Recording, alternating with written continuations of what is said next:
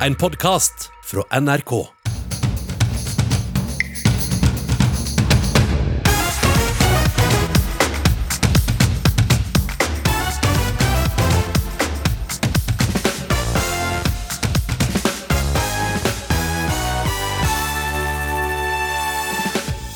Gjesteforskeren som PST har sikta for spionasje, beskrives av kollegene som en sosial type med masse humor. Så hvordan kan du avsløre en spion på din arbeidsplass? Det prøver Ukeslutt å finne ut av i dag. Man bør være oppmerksom da, hvis at noen viser en litt sånn uventa interesse f.eks. For, eksempel, for deg eller faget ditt eller utstyr du kanskje har tilgang til. Barnehager tar med barna på jakt for å lære dem om hvor maten kommer fra. Det kan være direkte skadelig for barns evne til å føle empati, sier en dyreverner og barnepsykolog som kommer til oss. Og som du hørte i nyhetene, prinsesse Ingrid Alexandra kjørte firhjuling og bar båre på sin drømmedag i Forsvaret denne uka. Vi har møtt rekrutt Settem, som bare drømmer om å få godkjent sengestrekk. Ja, jeg blir jo litt sint inni meg, men eh, det kan man ikke vise ut av. Da sier man bare 'mottatt', og så går man og fikser det.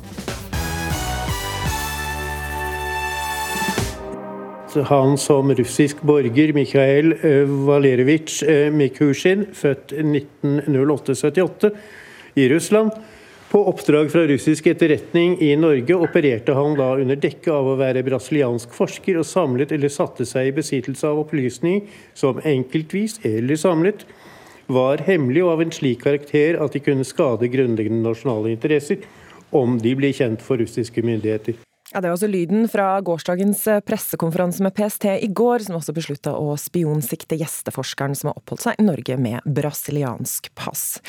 Mannen han nekter straffskyld, og vi har med oss journalist Tormod Strand. Og Det var jo du og NRK som var først ute med å fortelle om denne spionsikta gjesteforskeren i, i Tromsø. Hva slags spion er det PST mener at denne mannen er? Ja, Dette her er jo ukas nyord, illegalist. Altså Det er en eh, svært eksklusiv type spion, eh, hvis PST har rett. Eh, denne type spioner der har Russland brukt mange år på opptrening av denne gruppen spioner. Lagt ekstremt mye ressurser i dette. Um, og Målet er jo å bygge seg opp en troverdig identitet i et nytt land. Altså ikke sant, Slette alle spor som fører tilbake til i dette tilfellet, Russland. Så husk, altså vår mann Mikhail han skal altså ha vært ute i 16 år fra Russland.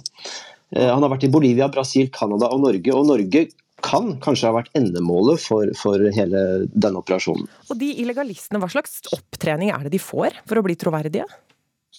Nei, altså Det vi vet fra avhoppere, fra sovjetiske og russiske avhoppere, er jo at de, de, de, la oss si de leker at de er i Norge, ikke sant? i Russland. I en, i en, i en leilighet så har de bygd opp eh, la oss si en norsk virkelighet. ikke sant? Og hvis han, La oss si han skal plasseres i byen Lillestrøm i Norge. Da lærer de alt om Lillestrøm. De, de, de, lærer at Tom Lund var den beste spilleren, de lærer at det står en statue av han utenfor Åråsen som heter Steget. De, de, setter seg inn i virkeligheten i det landet de, de, er tenkt å plassert i først. Og Det er jo kanskje derfor akkurat den typen spioner, altså illegalister, er så vanskelig å oppdage også, da? Ja, det er, det er eh, ekstremt eh, vanskelig å oppdage. Eh, det ligger jo på en måte i den nitidige oppbyggingen av en historie. Legendebygging kaller, kalles dette på fagspråket. Eh, og de er ekstremt godt trent. Men, men, det er klart, denne saken her er jo en gedigen fiasko. ikke sant? For, for, GRU, altså den russiske militære utenlandsetterretningen, eh, hvis PST har rett. Og Denne type spioner de, de, skal jo ikke avsløres. Så noe har gått skikkelig skikkelig gærent her. Eh, har Russland begynt å slurve? Kan de ha tatt forhastede beslutninger pga. krigen i Ukraina? Det er veldig mange spørsmål som vi aldri får svar på. Og, og Han blir jo mest trolig utvist uten en straffesak her, så det er mye vi ikke får vite, antageligvis. Men hvor skadelige kan sånne illegalister være? Det er potensielt ekstremt skadelig. Illegale de kan avdekke uh, i dette tilfellet norske sårbarheter. ikke sant? Altså de kan La oss si, De kan tilrettelegge for, for sabotasje. De kan avsløre de viktigste hemmelighetene vi har. Men det er klart, også, tiden vi lever i taler jo på en måte imot denne type spioner.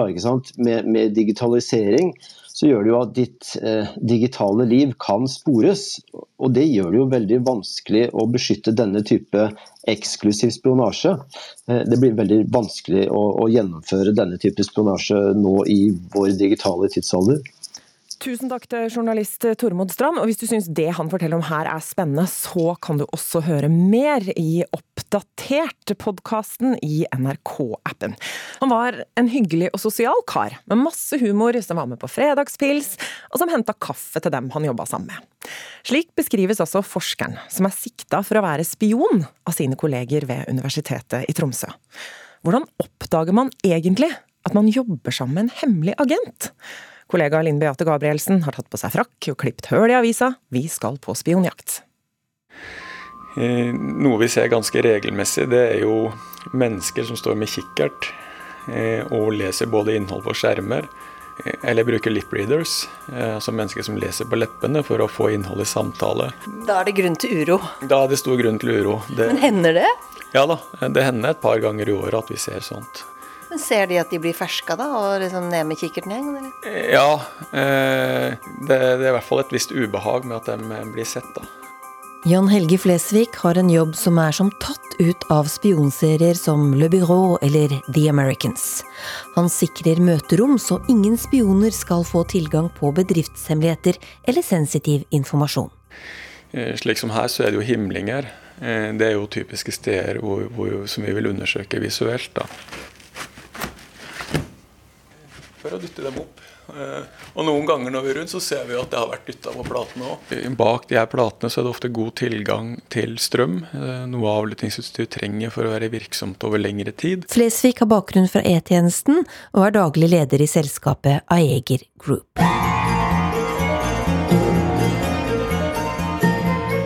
Mannen som nå er sikta for spionasje mot statshemmeligheter, kom til Universitetet i Tromsø under dekke av å være en brasiliansk forsker.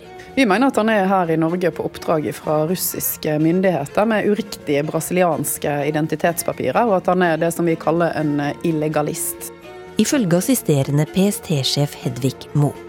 Illegalistene er spioner som er døråpnere og tilretteleggere for andre. Han mener at det ikke holder disse anklagene. Han eh, bestrider at han er en såkalt russisk eh, spion. Sier forsvareren til den siktede mannen, Thomas Hansen. Han var jo sant, um, veldig tilpasningsdyktig. Han uh, hadde alltid mye humor. Uh, veldig glad i Nord-Norge, i snø. Snakket at han likte det mye bedre enn varme. Marcella Douglas er leder ved Senter for fredsstudier, hvor illegalisten var gjesteforsker. Ja, og nysgjerrig, liksom. Veldig opptatt av det. Han kom jo til, til, til oss til oss her i nord, da. altså Norges arktiske universitet, fordi han er opptatt av å forske rundt det arktiske, rundt Barents. Veldig opptatt av de tingene. og Derfor vil han komme til oss, da. Hun sier de føler seg lurt. Så hva kan være mistenkelig oppførsel som gir grunn til å reagere? Man bør være oppmerksom da, hvis at noen viser en litt sånn uventa interesse f.eks. For, eksempel, for deg eller faget ditt eller utstyr du kanskje har tilgang til uten at du samtidig har en sånn åpenbar forklaring på den interessen. Randi Utstrand er sikkerhetsrådgiver i Cybersikkerhetssenteret for forskning og utdanning i Sikt. Eller at du får gaver og tilgang til goder. Eh, at noen spør veldig om hvem som jobber med hva, og hva man har tilganger til. Hun har vært med på å lage Sikre siden, som gir konkrete sikkerhetsråd til ansatte og studenter på universiteter og høyskoler. Og ikke minst hvis at du Tenk at du har en kollega som, som endrer litt sånn atferd eller arbeidsmønster kanskje over tid, og uten en åpenbar grunn. Tilbake til møterommet som sjekkes for lasermikrofoner og avansert avlyttingsutstyr, men også for mer tilforlatelig spionutstyr, forteller Jan Helge Flesvig. Det, vi har gjort denne typen undersøkelse på konferanserom eh, på hoteller. Da fant vi ved en anledning en radiomikrofon som var skjult i en sånn vannflaske. Eh, bak logoen, eh, altså vannflaska var kutta, eh, så var selve opptakerenheten skjult bak logoen, så du må på en måte snu og vende på alt for å se at det ikke er noe der, da. Som ikke skal være der. Et stort spørsmål er hvem som har tilgang til å plassere avlyttingsutstyr inne på et møterom i en bedrift med adgangskontroll. I mange virksomheter så vaskes det på kveld, natt, tidlig morgen, altså mens lokalet er tomt. Ikke uvanlig at uh, si trusselaktører, da, som vi kaller dem, uh, setter uh, vaskepersonale under press, eventuelt betaler, for å få lov til å være med inn og jobbe i, i fred og ro. Hvis du ikke synes dette minner om en spionserie ennå, så bare hør her. Man bør da ha oversikt og vite at de som skal inn og gjøre vedlikehold på tekniske anlegg, faktisk kommer fra den bedriften de skal komme fra, at det er både bestilt og avtalt vedlikehold. Profesjonelle kommersielle aktører som lever av det å montere inn overvåkingsutstyr, de går typisk på skuespillerkurs og framstår troverdig. Så hva bør du gjøre hvis du får en dårlig magefølelse på en kollega? Randi Utstrand fra Sikre siden råder deg til følgende. Og Det vi tenker man skal gjøre, det er å si fra til enten, altså enten snakke med noen som du stoler på på arbeidsplassen din, eller en sikkerhetsrådgiver der du er, og si ifra til PST. Og som PST selv sier, ser du noe, så si noe, men bruk sunn fornuft. Og da kan du også legge fra deg den bekymringa du, du, eventuelt kjenner på, og, og tenke at ok, nå er de som har ansvaret for en videre oppfølging, dem de gjør sitt, sin del av, av, den jobben, da. Det var Linn Beate Gabrielsen som hadde vært på spionjakt. I går ble den spionsikta forskeren varetektsfengsla i fire uker. Han har samtykka til varetektsfengsling, men nekter straffskyld, fortalte hans nye forsvarer Mariana Låsic til NRK. Han erkjenner ikke straffskyld etter siktelsen. Hvorfor godtok han da varetektsfengsling? Nei, Han samtykket til fengsling i fire uker nå. Han har forståelse for at PST trenger litt tid til å holde på å si områ seg, til å finne litt mer ut av hvorfor, han, hvorfor de mener det er nødvendig å holde han fengslet nå. Så tenker han det var greit at de får de fire ukene, så får vi jo se hva tiden bringer etter det.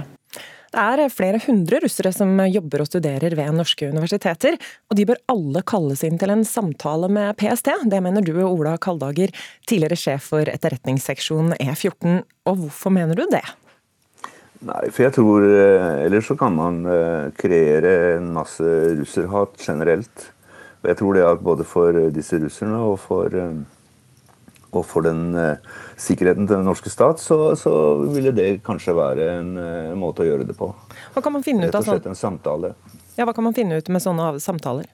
Nei, Jeg tror man kan vel på den måten uh, gjøre de russiske studentene og forskerne og de som fortsatt uh, jobber her og som har russisk statsborgerskap, uh, kanskje oppmerksom på den, den, trusselen de står overfor. At de kan bli pressa på et eller annet vis, de eller familien deres hjemme i Russland.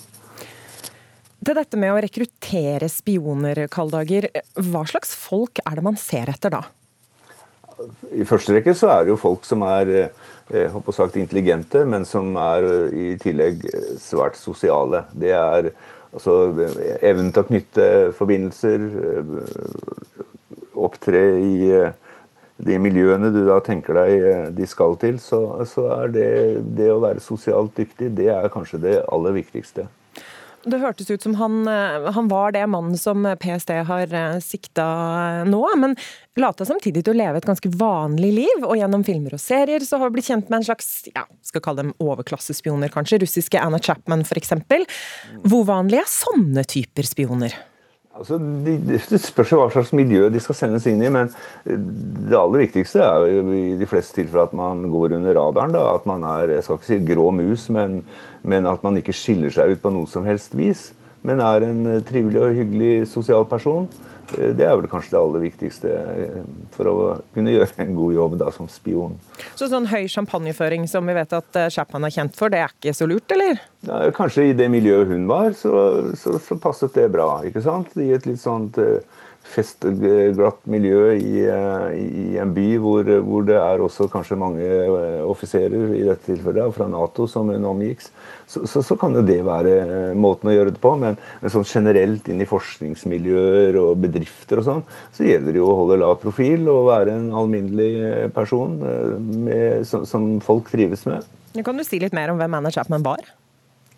Altså Jeg kjenner ikke den saken så veldig godt, men, men, men, men, hun eh, dro jo da til et sted hvor det var mye fest og moro, for å si det sånn. Og hun var jo vakker. Og var vel ganske klar over at, at mange Nato-offiserer i området deltok på disse festene. Og det er klart, Ved å stikke seg ut som en skjønnhet og litt sexy, så er jo det en måte å, å, få kontakt på også. Det er jo tross alt sånn da at Eh, menneskene har en del svakheter. Da. Blant annet så har vi, har vi i, i perioder sterk seksualdrift, og det utnytter jo eh, etterretningstjenestene for det det er verdt. Eh, uansett om det er Mikushin eller om det er Chapman, hva er det russerne oppnår ved å ha spioner som, som lever på denne måten?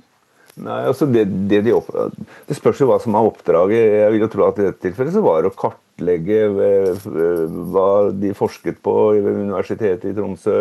Eh, og så har det jo vært mye snakk om eh, cyber Eh, trusler og sånne ting. Og det å vite da hva, hvor langt Norge har kommet når det gjelder å motstå sånne trusler, og sånt, og det er jo ganske viktig. Altså De siste årene så har, jo, har det jo vært en del sånne cyberangrep eh, på Norge og på norske institusjoner og, og sånn. Og, og da er jo det å være russer da, for det er jo stort sett de som hadde bedrevet denne virksomheten sammen med Kina, så, så, så er det jo viktig da at man skaffer seg innsikt i hva slags eh, jeg håper sagt, eh, ting kan Norge sette i verk for å hindre det, eh, så man kan bryte seg videre. Så enkelt er det, altså. Så enkelt og så vanskelig. Ola Kaldager, tusen takk for at du var med i Ukeslutt. Jaktsesongen er her. Det er ikke bare voksne, grønnkledte folk som begir seg ut i skogen for tur og matauk. Flere barnehager har også tatt med seg ungene på jakt, som f.eks. i Halsa kommune i Møre og Romsdal. Jeg er litt spent på når de skyter. Det kom to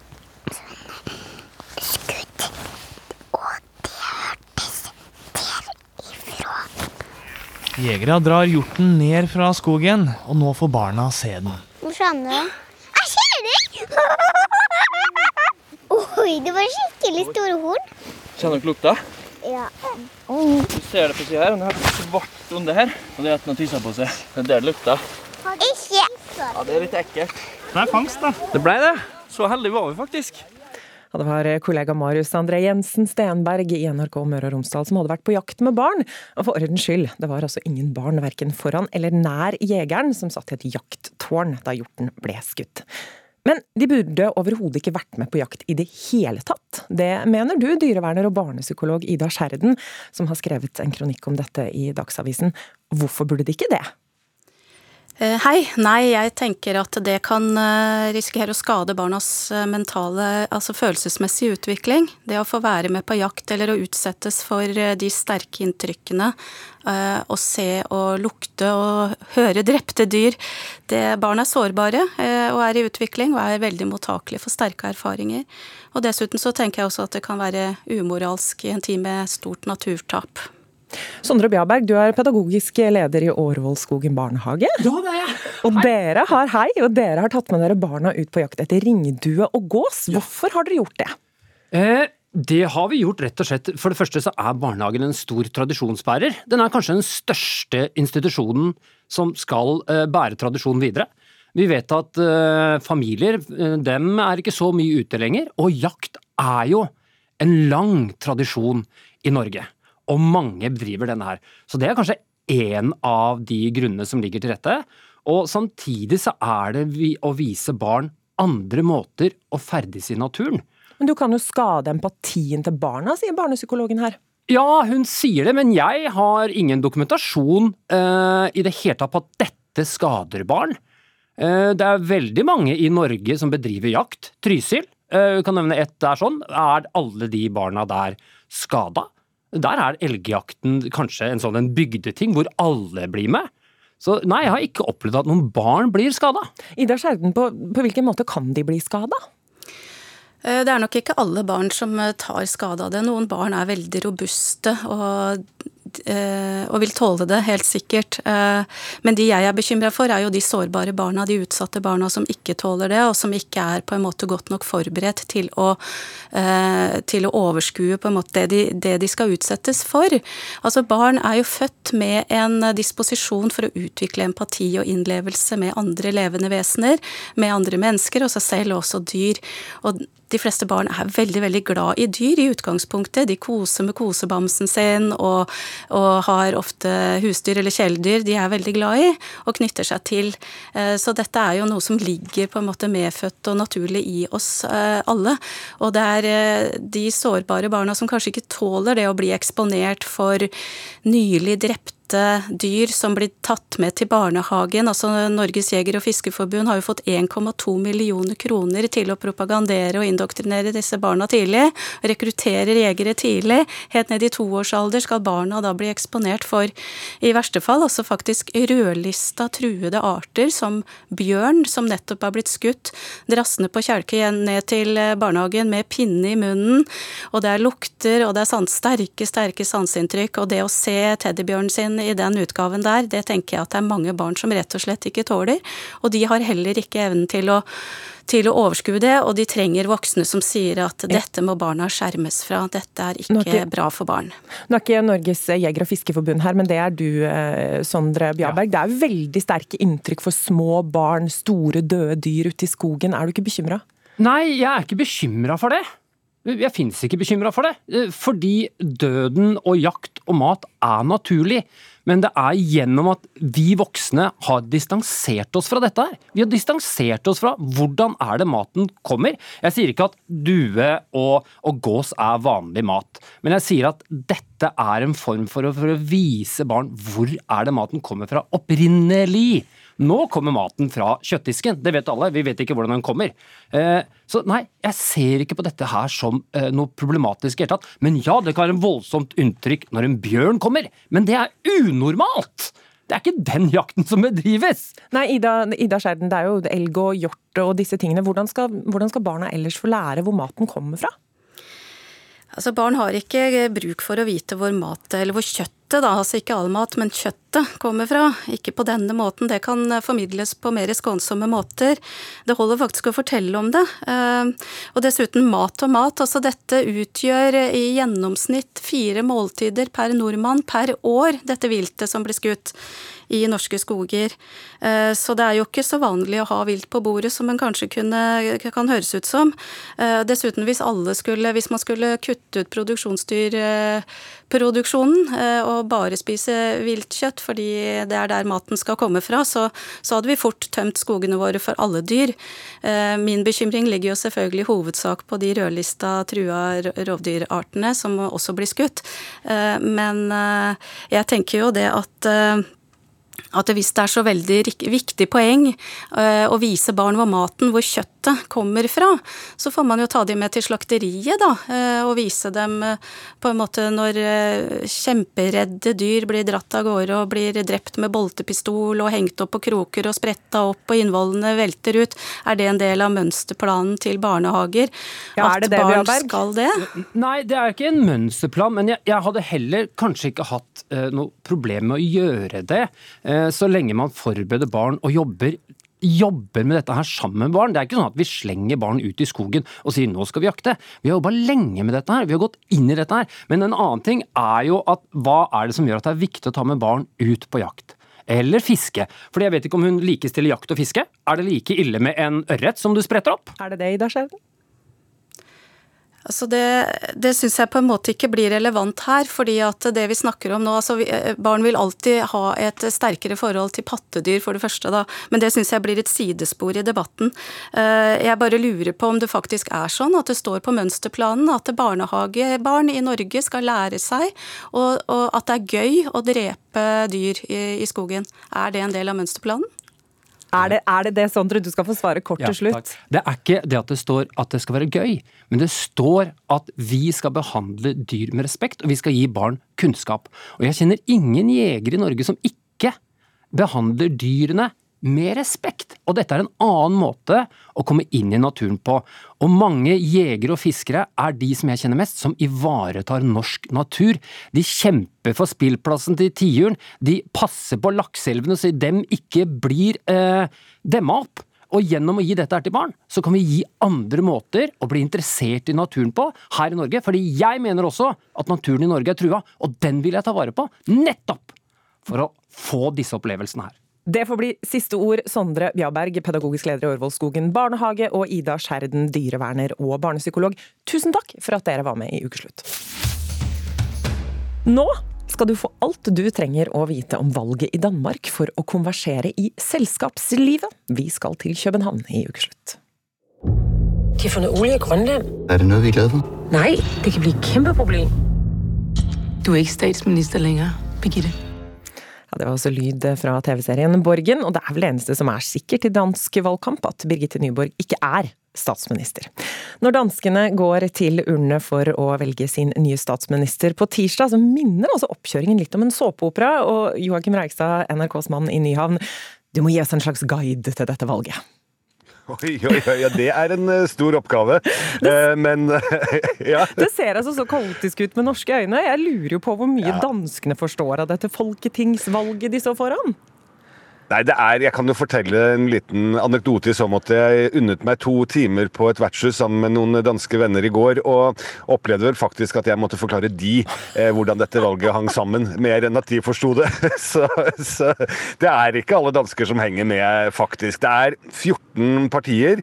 Det er en borgerlig blokk som er utrolig fragmentert. Det er en statsminister som eh, ser ut til å snu veldig mye kritikk og skandaler til kanskje nesten sin sin eh, fordel. Mette Fredriksen jeg snakker om der, altså. Eh, og det er så jevnt at man kan egentlig ikke vite noen ting om hvordan dette her ender, før folk har vært og satt eh, kryss på stemmeseddelen sin på tirsdag. Ja, altså, vi må til dette med den heftige partifloraen, for den er ganske kolossal sammenlignet med her hjemme. Bitte lille til venstre for Folkepartiet Venstre. Fri Venstre. Og så dette her også. Showtime Venstre. Så, også disse her også. Relax-listen. Take it easy-listen. Come on everybody-listen. Ja, som, det er useriøst og Ja, jeg syns det blir tullete og rart. Ja. Ja, fullt så ille som Bård Harald vil ha det til her i en gammel klassiker fra Åpen post, er det vel ikke? Men hvor mange nye partier er det som Nei, det er ikke det. Er det? Nei, ja, det er jo egentlig det, fordi at uh, hvis man ser tilbake på Venstre, altså partiet Venstre for syv år siden, så var, er det jo to eh, personer som, eh, som, var veldig framtredende i partiet Venstre. Lars Løkke Rasmussen, som var statsminister, og Inger Støyberg, som var integreringsminister fram til 2019. Begge de to har skapet sine egne partier. Så når vi snakker om lille Venstre og litt Venstre og sånn eh, i denne sketsjen fra 90-tallet, så, så, er det faktisk ikke helt borte fra, fra, sannheten. Det har blitt veldig mange partier som har, har altså, Høyresiden har på mange måter spredt seg på, på veldig mange forskjellige partier nå. Og og, det er uoversiktlig, og man vet egentlig veldig lite om hva, hva, partiene egentlig står for. Man stemmer veldig mye på person nå i Danmark. Ja, og så hørte jeg jo at eh, danske medier spekulerer i at nettopp Lars Løkke Rasmussen kan komme inn som enda en statsministerkandidat. Stemmer det? Det stemmer, og det er jo interessant. fordi at du, du hadde jo et klipp fra TV-serien Borgen her i starten, hvor eh, Birgitte eh, Nyborg, eh, som karakteren til Sisette Babette Knutsen het, eh, ble statsminister. Og vet du hva partiet hennes het i den serien? Det første partiet, altså, som hun var med nei, i utgangspunktet? Det, det het Nei, det het De Moderate. Det er da Lars Løkke Rasmussens parti nå, heter Moderaterne. Så, og det kan jo hende at det som skjedde i serien, også skjer, nemlig at det partiet havner på midten. Og da er spørsmålet hvem vil Lars Løkke Rasmussen peke på? Vil han vende seg til venstre og samarbeide med sosialdemokratiet og radikale venstre, som nå eh, kan du si styrer, altså sosialdemokratiet og Mette Fredriksen? Eller vil han vende seg til sine gamle partivenner i Venstre, de konservative, og prøve å finne et flertall der? Lars Løkke Rasmussen blir kanskje ikke statsminister, men han kommer til å være det som danskene kaller for kongemea, eller som vi sier da, altså havne på vippen og bestemme hvem som blir statsminister i Danmark. Da har vi altså etablert det, det du trenger for å eh, kunne konversere om det danske valget i Folketinget, nei, i Folketingsvalget på tirsdag. Det er Joakim Reikstad ja, ja. her i NRK. Tusen takk skal du ha, Joakim. Bare hyggelig. Nå skal det handle om sex.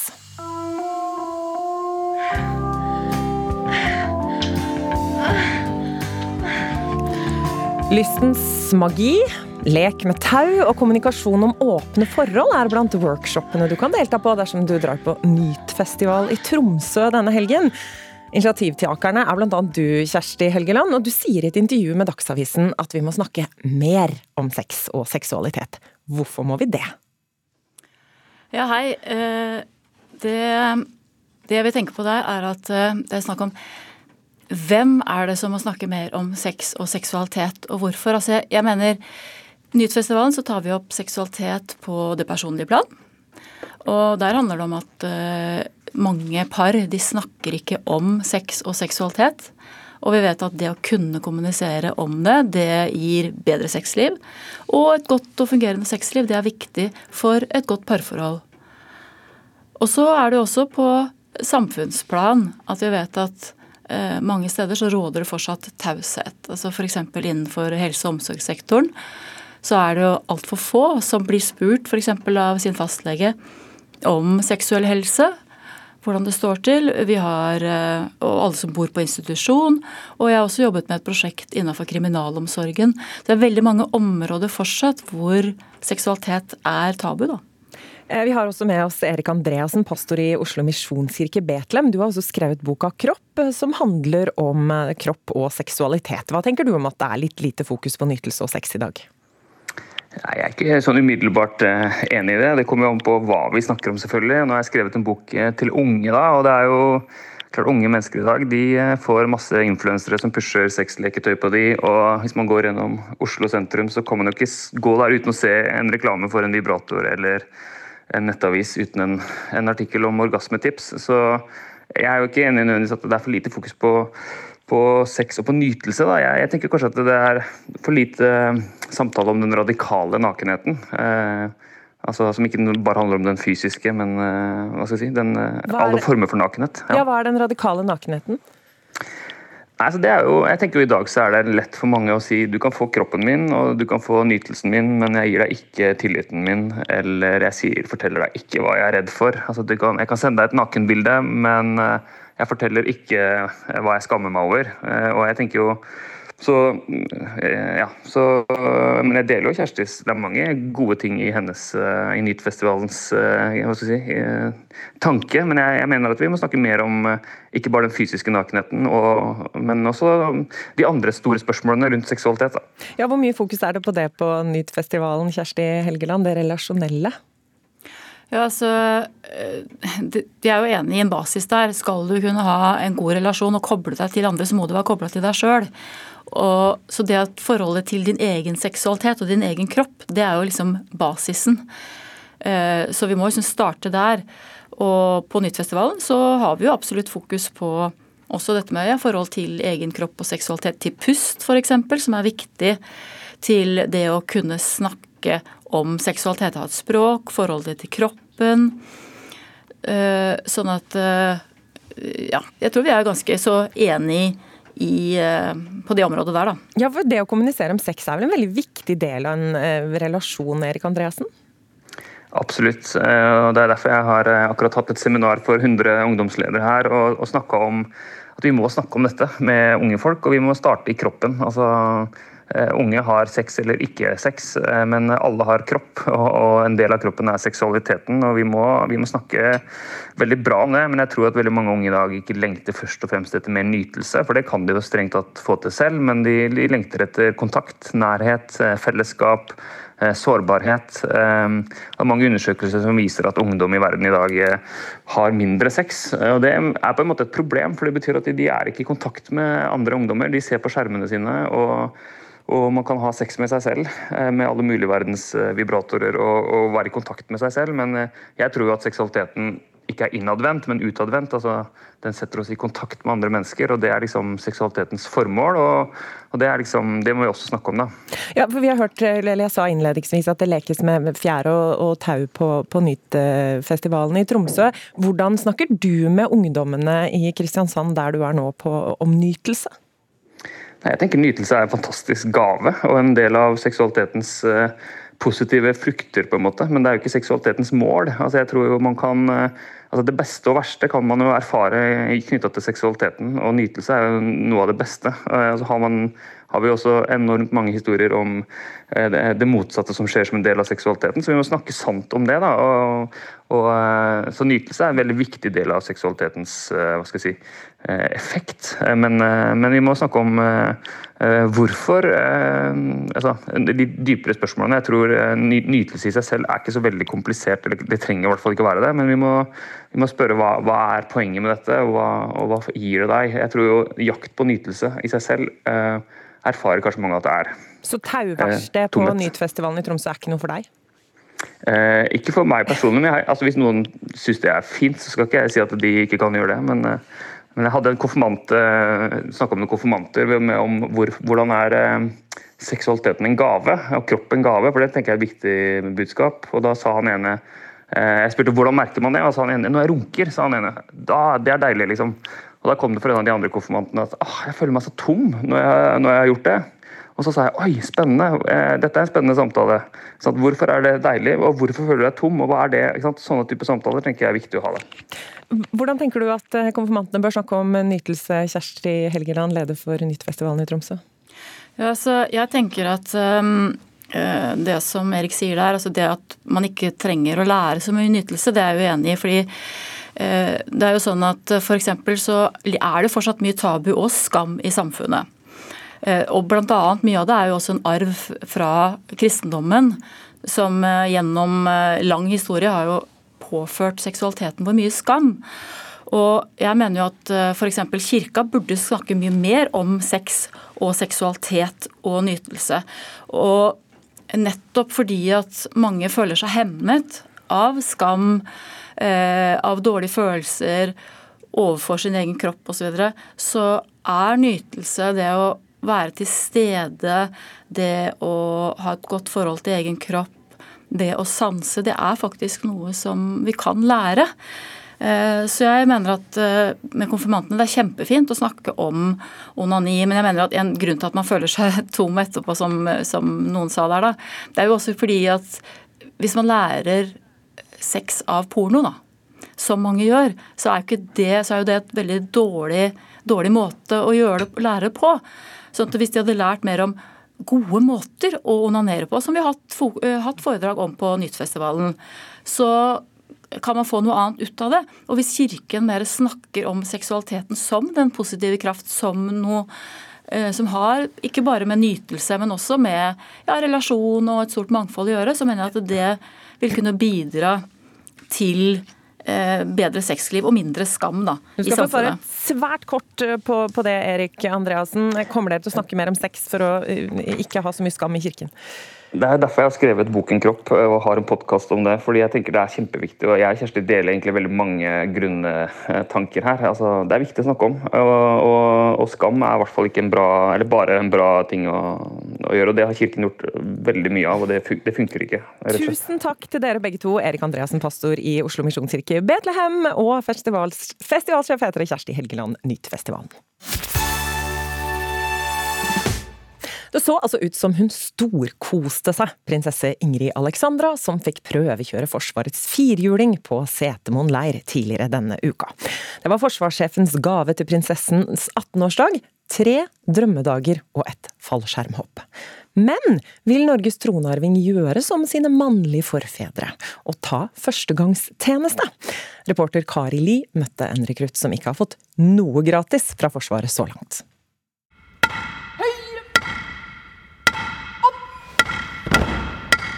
En trestokk og knappe beskjeder styrer hver minste bevegelse hos 30 garderekrutter. Befal bøyer seg ned og sikter. Vernepliktige som har en støvelhæl noen millimeter utafor rekka, korrigeres. Hvis hælen din peker nå innover, så har du ikke utnyttet all kraften du har å gi.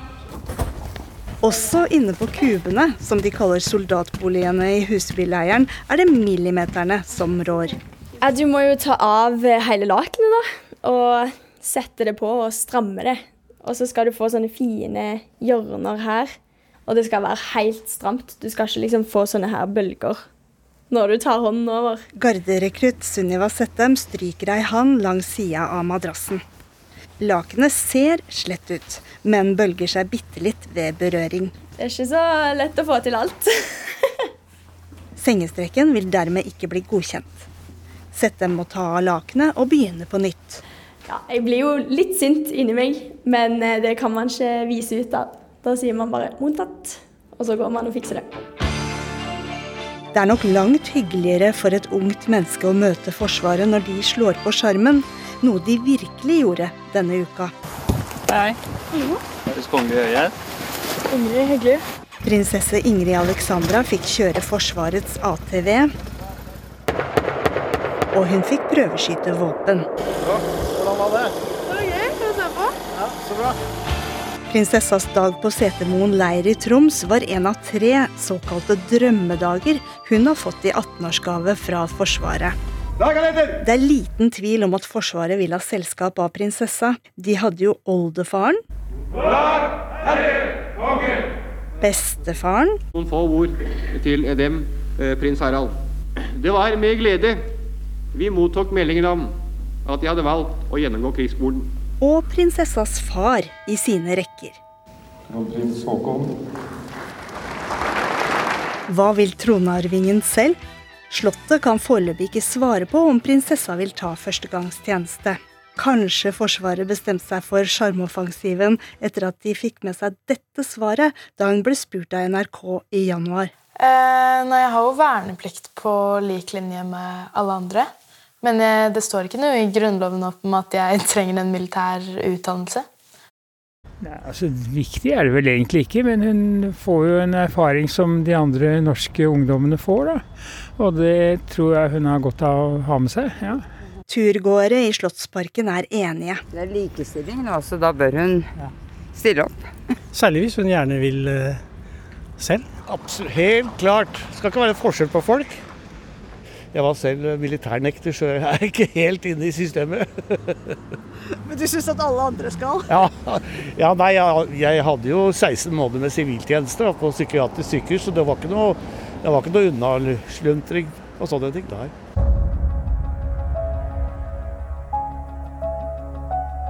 Eh, nei, Jeg kan fortsatt ikke høre kjenningsmelodien til Kompani Lauritzen uten å begynne å gråte. Og nå går det jo hver dag. Programleder Siri Kristiansen er ifølge TV 2 en av de ivrigste deltakerne de har hatt i realityserien Kompani Lauritzen. Har skjønt at jeg for seint i livet fant ut hva jeg egentlig skulle bli. Og det, og det er for seint. Så det er ikke noe sånn nei, alle kan bli hva de vil. Nei, jeg, jeg, en karriere innen det militære, det er for seint.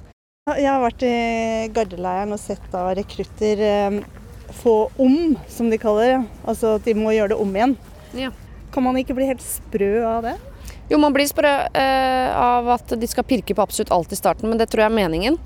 Eh, og at det skal være så hat en periode at til slutt så bare gjør du det for å ikke få kjeft. Og så plutselig så Jeg er fortsatt opp senga mi. Men med sånn strekk? Eh, jeg syns den strekken er Jeg syns jo ikke det estetiske er det vakreste, den militære oppredninga. Så jeg er mer, heller mer mot hotell. Mer Petter Stordalen enn Fenriken. 44-åringen mener alle burde ta et år i Forsvaret eller i siviltjeneste, inkludert prinsessa. Jeg syns tre dager er altfor lite, eh, og jeg håper at de eh, respekterte prinsessa, men at de på en måte lot henne oppleve sånn som det er. Måtte hun ned i gjørma, liksom, eller, eller var hun fortsatt liksom veldig sånn prinsesse? Stand up and fight! You're in the army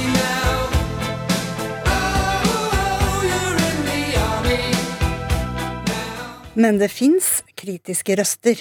Jeg syns jo ikke at eh, Ingrid Alexandra skal lokkes inn i militæret hvis hun ikke selv har brennende lyst til det. Lege og feminist Gro Nylander synes Forsvaret er lite kvinnevennlig.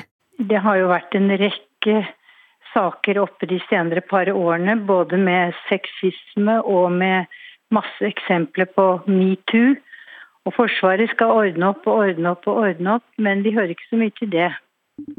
Vi syns på en måte det er litt trist. Penny Hamons er aktivist i Bestemødre for fred. Vi kunne tenke oss at vi så det, at hun jobbet på um, et litt mer uh, ikke-voldelig måte. Vi er ikke så begeistret for det militære som en eneste løsning for konflikter. Fremad! Marsj!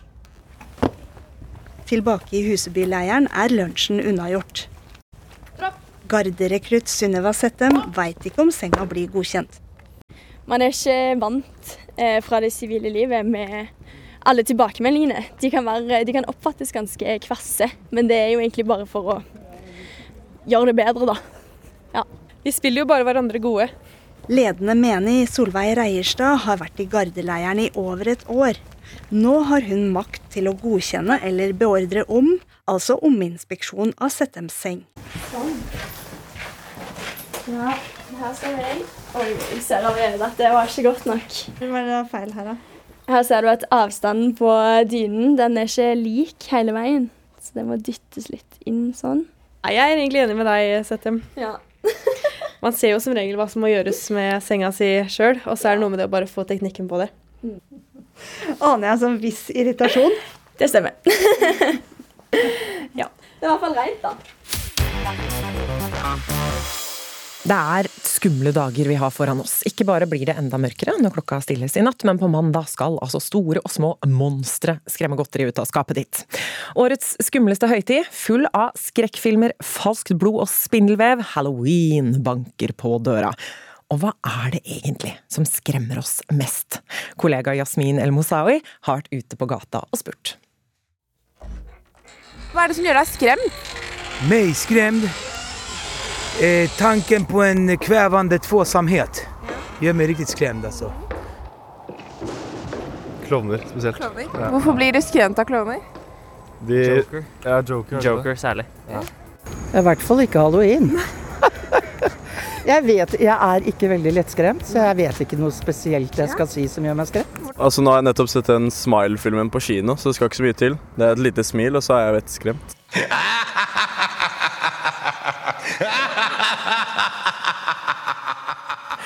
Tone Nordmann Eide, velkommen til ukeslutt.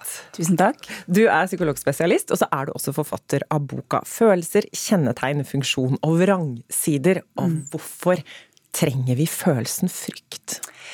Følelsen frykt det er jo en av de mest eh, grunnleggende følelsene vi har. eh, Født med helt fra starten av livet. Det er en følelse som vi trenger for å overleve, rett og slett. En følelse som eh, når, den, når vi værer en fare i omgivelsene våre, så settes det i gang en masse reaksjoner inni oss som gjør at vi mobiliserer Setter hele kroppen i en alarmberedskap, og så får vi krefter til å rett og slett komme oss i sikkerhet. Ja, Hva er det som skjer inni oss når vi blir redde? Nei, da skjer det mange ting. Det er- skjer på et brøkdel av et sekund, egentlig. Ehm, Vi får, eh, kan få kraftig hjertebank, begynne å puste fortere. Sansene våre skjerpes. Vi blir veldig årvåkne for eh, det vi står ovenfor. Og hele hensikten er at vi skal få mest mulig krefter og energi, egentlig, til å, til å mobilisere det vi har for å, for å overleve eller komme oss i sikkerhet. Men, men trenger vi det? Altså Hvis det ikke er noe farlig, da viser det seg at det er bare en film f.eks. Hva kan vi bruke det til da? Nei, Da vet jeg ikke helt hva vi kan bruke det til. Da må vi kanskje bare skjønne at eh, det var ikke så farlig, og så får vi, får vi bare skru av, skru av alarmknappen igjen og, og puste lettet ut, egentlig. Er det mestringsfølelse av å komme oss gjennom, liksom? Ja, ja, ja. Veldig lettelse. Eh, Er det noen som liker å la seg skremme, og hvorfor gjør de i tilfelle det? Ja, det er jo tydeligvis det. Halloween er jo kjempepopulært. Eh, tro det den som Ja, forstå det den som vil. Men eh, nei, det er jo eh, Det er jo et eller annet med den følelsen som ikke sant, I utgangspunktet så er det en ubehagelig følelse for de fleste av oss. Vi, det er ubehagelig å kjenne mye redsel, men det er nok eh, kanskje blanda med litt andre ting òg. At, at, eh, at det er noe litt sånn spenning. Vi er jo litt spenningssøkende. Vi liker at det skjer ting. eh, eh, kan kjenne at, eh, at eh, vi blir mer levende på en måte. eh, Blir litt sånn vitalisert. Sånn at det å kjenne at vi er litt redde, eh, og samtidig oppleve en, en følelse av kontroll, da.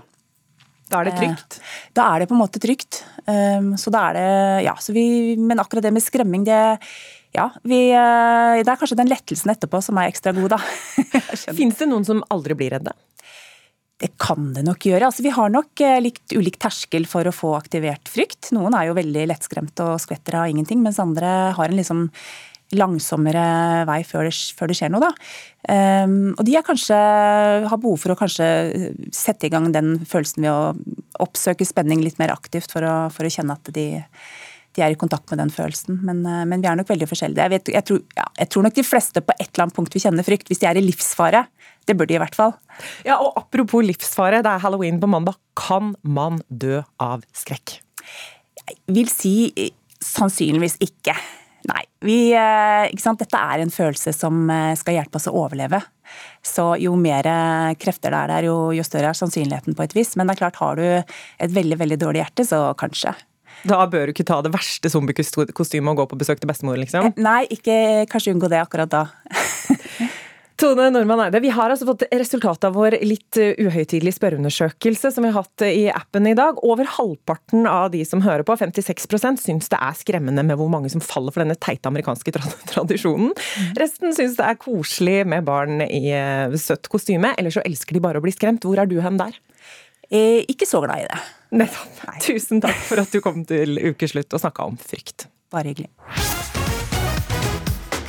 Hvalrossen Freya får evig liv, for statuen til hennes minne skal stå klar på Kongen Marina i Frognerkilen i Oslo allerede i starten av neste år. Nesten 300 000 kroner er samla inn via Spleis, og vi skal snakke mer om det om litt.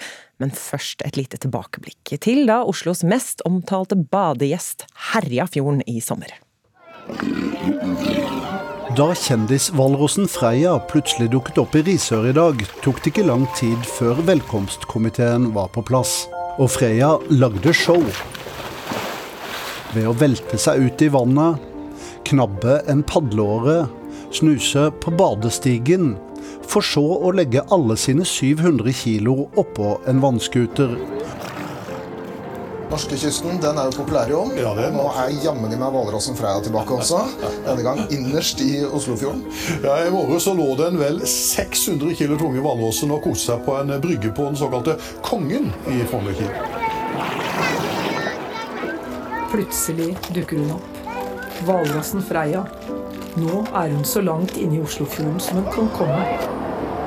Nei, jeg jeg syns det var helt fantastisk å se hvalross for første gang i livet. Så ja. Men jeg trodde ikke du ser det her i Oslo. Jeg bor jo oppe i Lofoten, og der er det jo Jeg har aldri sett noen hvalross der. Hvalrossen Freia blir nå passet på av en egen vaktbåt fra Fiskeridirektoratet. Det 600 kilo tunge rovdyret er ikke glad i besøk, og det fikk en kajakkpadler merke i dag da han ble jaga i land. Her alle folk og flister seg! Vekk herfra! Gå vekk! Sterke reaksjoner på at hvalrossen Freia ble avlivet. Fiskerimyndighetene mener det kunne bli fare for folks liv og helse. Eh, Når vi eh, ikke lyktes med å finne en løsning for å, for å flytte henne, så eh, er det sånn at hensynet til, til menneskers sikkerhet gjorde at vi måtte avlive. Ja, folk ble altså så sinte over Freias død at fiskeridirektør Frank Bakke-Jensen og kona mottok drapstrusler fra hele verden etter avlivinga. Og nå, snart tre måneder senere, har altså nesten 1700 personer samla inn masse penger for å lage en statue til hvalrossens minne. Den er under produksjon, og Mona Pale Bjerke, kunstanmelder i NRK. 600 kilo med badeglede og publikumstekke. Hvilke forventninger har du da? Nei, Det er jo vanskelig å uttale seg om en skulptur som ennå ikke foreligger. altså Verken som tegning så vidt jeg forstår, eller som tredimensjonal form. Men jeg må jo innrømme at umiddelbart så blir jeg ikke sånn kjempebegeistret ved tanken på en figurativ, gigantisk hvalross i bronse ved Frognerkilen. Nei, Hadde det vært bedre hvis den hadde vært abstrakt, mener du da, denne hvalrossen? I hvert fall så har vi ikke bruk for en platt, presis gjengivelse av dette dyret. Altså Hvis det skal være meningen å koble inn en kunstner, så må jo det være fordi vedkommende skal bringe inn noe annet og noe mer. altså Forvandle materialet. Og legge inn en dobbelthet i uttrykket som får oss til å reflektere, eller som utfordrer oss, eller som på en eller annen spennende måte forholder seg til stedet. Hvis ikke så kunne vi jo bare latt en 3D-printer gjøre det. ikke sant? Det er jo sånn det er i dag. Vi trenger ikke lenger å, å imponere gjennom å få noe til å ligne. Fordi det kan vi la datamaskinen gjøre. Og hvis vi bare gir betrakteren noe ferdigtygget, så blir det jo bare passivt konsum og ikke noe betrakteren er medskapende i. Og da blir det ikke egentlig en uh, kunstopplevelse.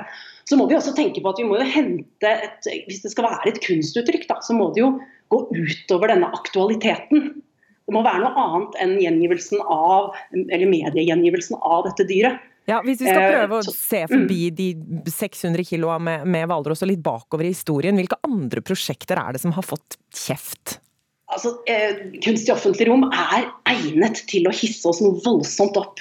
Altså, Vi har jo sett eh, det der eh, voldsomme Olav Kyrre-monumentet f.eks. i Bergen. som jo er noe av det første du ser når du kommer fra toget. Som, først så ser du det som et abstrakt uttrykk, og så stiger det figurative frem. Det var jo folk kjemperasende over. Ville mye heller ha en helt sånn figurativ eh, kongestatue. Det er de rustne mennene i eh, Stavanger, som jo ble også kritisert fordi de jo hindret eh, innflyvning til Sola lufthavn og sånne ting. Så det er veldig, veldig egnet til å hisse oss opp. Analplugnomen i Oslo. Eh, Så vi har mange mange eksempler. Men et veldig vellykket monument er jo Nils Aas portrett av kong Haakon den 7. utenfor UD. Og der ser du hvordan man kan få noe til å ligne. Vi ser jo at det er den høye, magre kongen med soldaterluen mot hjertet. Men her har de stilisert, karikert. Det gjengir ikke bare kongens utseende helt sånn platt, men tematiserer også hans karakter. Da. Han står som i sterk motvind, som et bilde på hans viljestyrke og motstandskraft. Så her gir altså skulpturen oss noe mer enn bare en utseendemessig gjengivelse. Og hvis du myser, så ser du også formen som ren form. Som et sånt mektig uttrykk i byrommet. Ja, så Hva er det kunstneren nå Nå hadde du noen eksempler både på gode og dårlige skulpturer her, Mona Palle Bjerke. Hva er det Astrid Tonnoyan som er kunstner her, må passe seg på å ikke gjøre? Må tenke på at det ikke skal bare bli en platt gjengivelse, men at skulpturen må ha en formmessig løsrevet eh, verdi. Og at folk om 100 år og om 50 år kan få noe ut av det, selv om de ingen husker Hvalrossen Freia kanskje da. Så vi må sørge for at uttrykket hennes også har en intensitet og tilstedeværelse løsrevet fra denne fortellingen. Tusen takk, Mona Palle Bjerke, kunstanmelder i NRK. Jeg gleder meg til å snakke med deg når hvalrossen faktisk foreligger. Det blir kjempegøy. Da gjenstår det bare å takke for oss. Det er altså Magnus Bratten som har vært sjef i dag. Teknisk ansvarlig er Hilde Tosterud. Jeg, jeg heter Marte Kaasa Arntzen. Og jeg håper at du som har hørt på Ukeslutt, tusen takk for det forresten, får en aldeles strålende lørdag og en riktig, riktig god helg. Du har hørt en podkast fra NRK. Du kan nå høre flere episoder av denne serien i appen NRK Radio.